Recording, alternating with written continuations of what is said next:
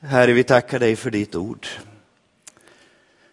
Herre, vi tackar dig för att vi har fått med och ge till dig. Herre, öppna våra sinnen, var oss nära. Kom till oss, Gud. Amen.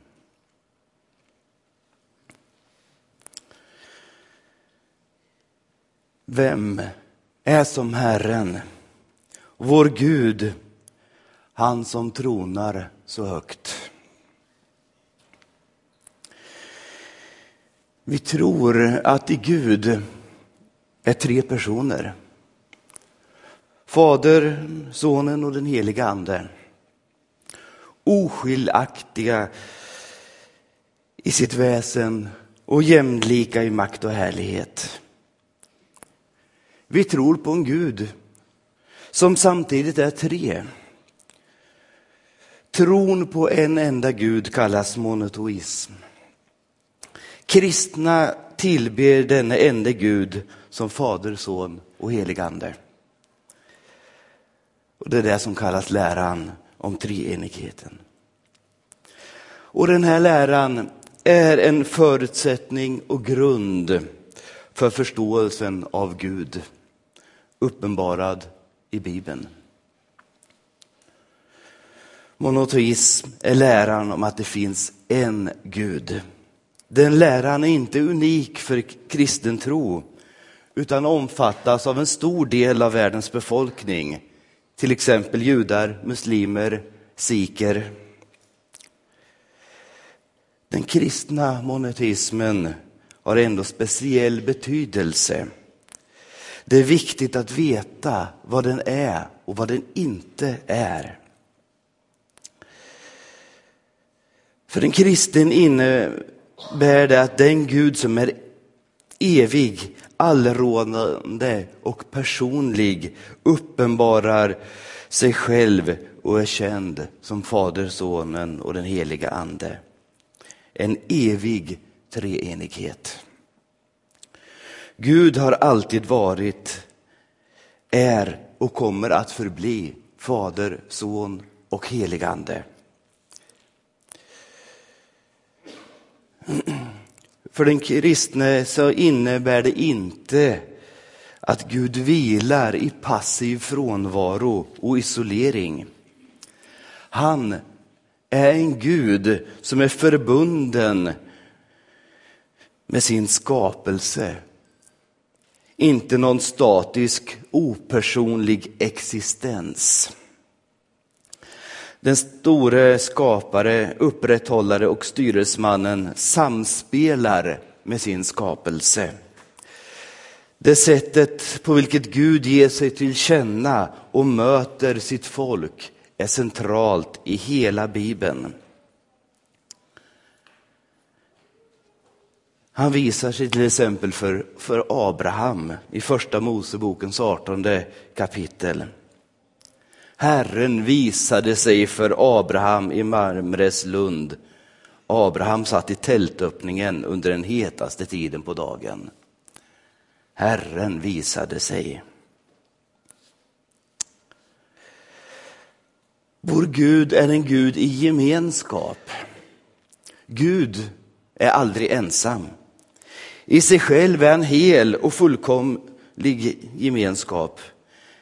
Även om han alltid är tre, är han inte tre individer som kan tävla eller gå emot varandra. Han är tre personer, alltid förenade i existens, attityd, i handling. En treenig kärlekens Gud. Han är alltid Fadern, Sonen och den helige Ande. Var och en i gemenskap med de andra. Fader, Son och helig Ande representerar en dynamisk livsrörelse mellan jämbördiga personer utan auktoritet eller överhöghet över varandra. Varje försök att utveckla en falsk hierarki beträffande makt och härlighet inom treenigheten är att försvaga gudomens integritet och underminera treenighetens fullkomliga enighet. Treenighetsdefinitionen försöker ge en bild av Gud som i Fadern gestaltar den som skapar, regerar, upprätthåller. Som Sonen är han återlösaren, vännen, den som manar till lärjungaskap. Som den helige ande helgar han, ger råd och utrustar. Till person och verkan är han tre, i personlighet och kärlek en. Treenighetens tre personer uppenbarar sig kontinuerligt för oss. I Nya testamentet, Nya testamentet berättar att anden bär vittnesbörd om Jesus. Jesus Kristus uppenbarar Fadern och bär vittnesbörd om anden. Fadern bär vittnesbörd om Sonen. Gud skapade mänskligheten därför att kärlek uttryckt i gemenskap är hans naturliga väsen. Inte någon slags inneboende ofullständighet.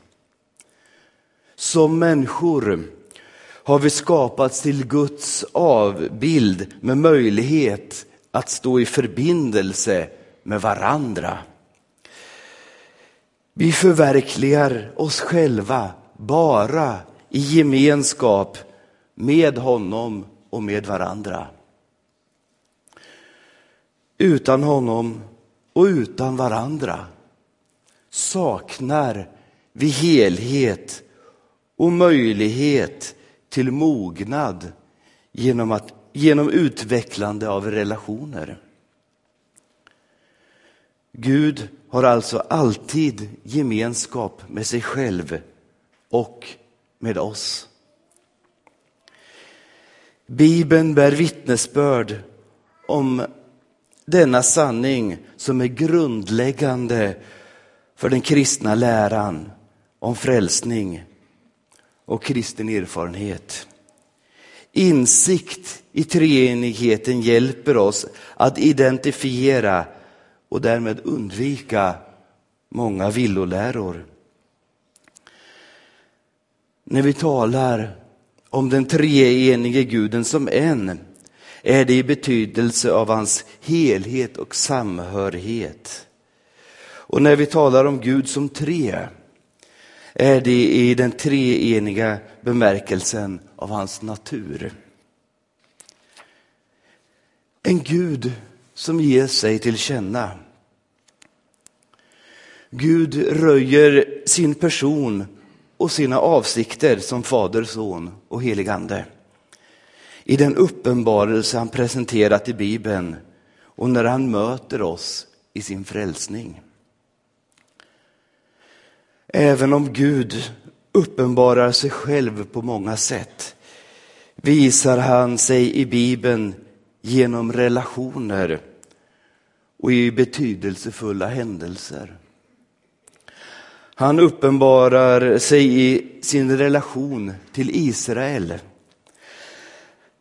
Han ger sig till känna genom avgörande händelser, händelser som uttåget ur Egypten. De hebreiska kungadömenas uppgång och fall, landsflykten, återvändandet till Israel. Så som dessa händelser återges i Gamla testamentet. I Nya testamentet ger han sig på ett enastående sätt till känna i Jesu ankomst. Liv, korsfästelse och uppenbarelse. Det sätt han visar sig själv överensstämmer med mänsklig erfarenhet. Då människor blir tydliga för varandra, då man bygger upp relationer och delar betydelsefulla händelser med varandra. På samma sätt visar Gud, som är personlig och respekterar mänsklig individualitet, sin natur och sin kärlek till oss. Vi talar om Guds uppenbarelse därför att det är själva Guds väsen att ge sig till känna. Gud är kärlek och kärlekens kännetecken är att låta sig bli känd av den man älskar. En Gud som engagerar sig i oss. Vi tror att Gud inte är långt borta från oss utan engagerar sig i dig och mig. Det blir tydligt i inkarnationen, nämligen att Gud kommer till oss som människa, Jesus från Nasaret.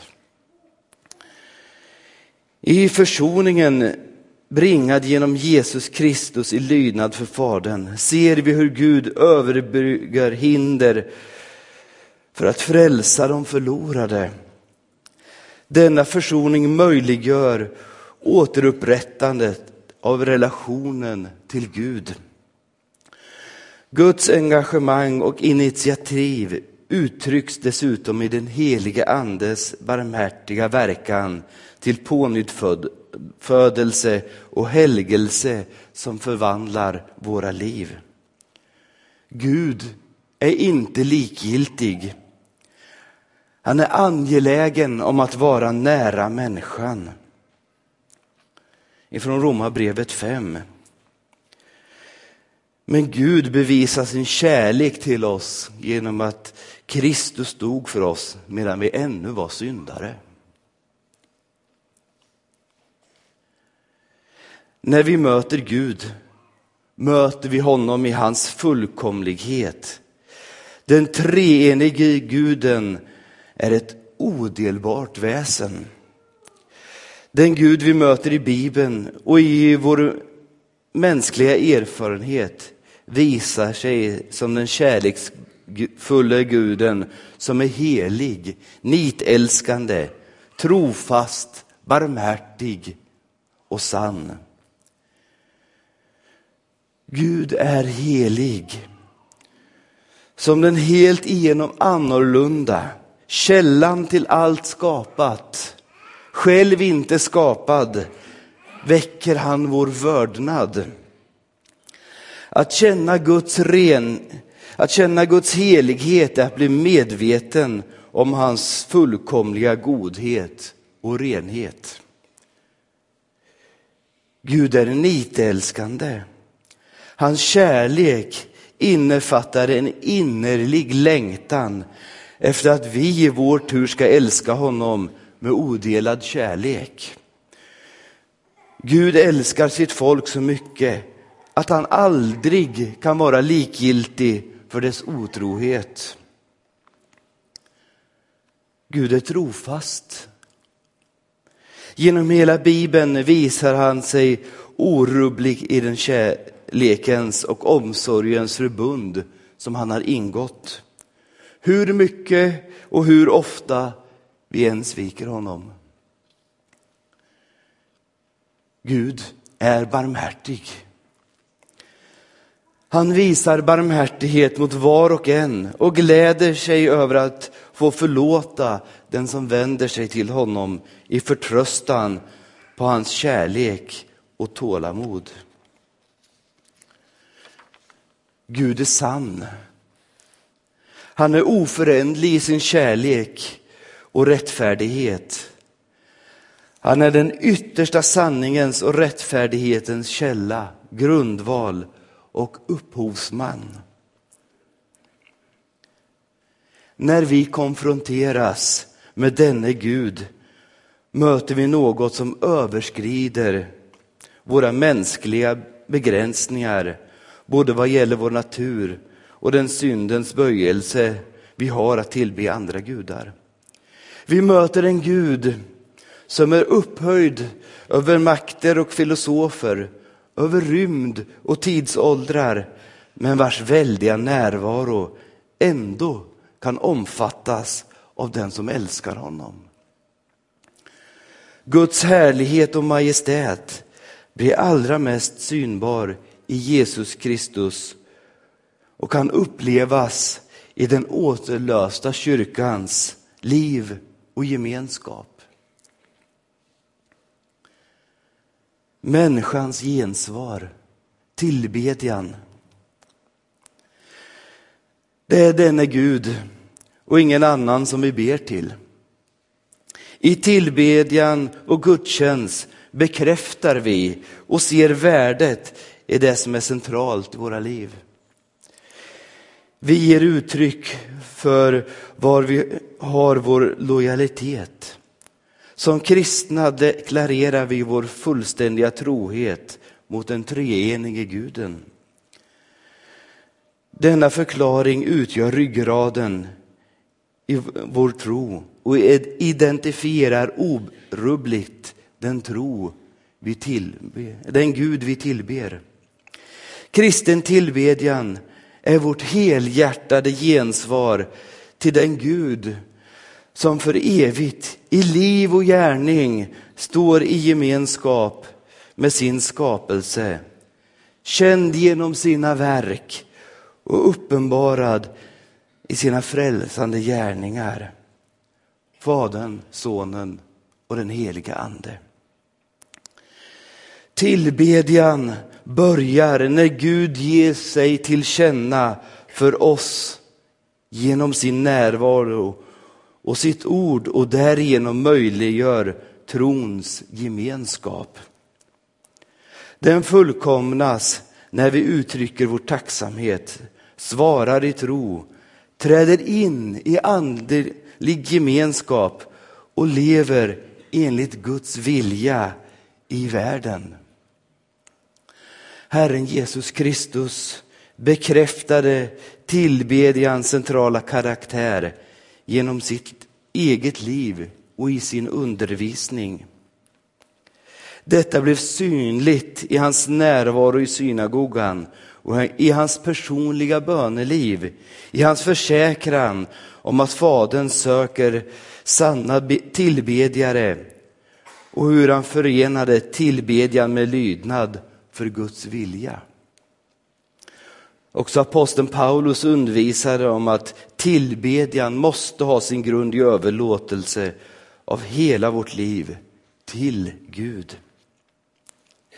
I tillbedjan ger vi vårt gensvar till vem Gud är. Guds majestät och härlighet väcker vår tillbedjan. Guds helighet väcker vår vördnad. Guds nitälskan väcker vår fulla hängivenhet. Guds kärlek väcker vår känsla av värde. I tillbedjan ger vi vårt gensvar till vad Gud gör. Guds frälsningsverk väcker vår vårt gensvar i tacksamhet. Den Gud som söker oss väcker vårt gensvar i bönen. Den Gud som helgar oss väcker vårt gensvar till överlåtelse. Den Gud som är barmhärtig väcker vår ånger. Den Gud som söker gemenskap väcker vår längtan efter gemenskap. Den Gud som älskar oss väcker oss till hängivet, hängiven evangelisation och tjänst. Tillgivenhet förvandlar liv.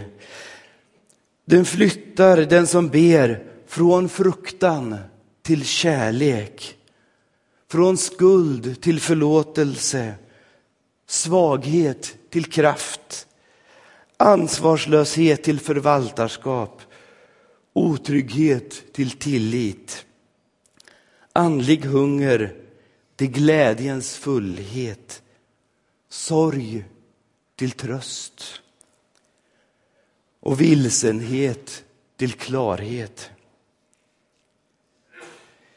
Vi tror att eftersom det tillhör Guds natur att uppenbara sig själv är det varje kristens kallelse att göra honom känd. Gud är all kärleks ursprung. Han är den grund på vilken all mänsklig längtan efter gemenskap byggs. Att bli funnen av honom är att veta sig själv vara älskad av den ende sanne och trofaste guden. Att finna honom är att bli medveten om hans härlighet och väckas till lov och tillbedjan. Det är denna Gud som kallar oss att ta del i och förmedla hans liv och hans budskap. Amen.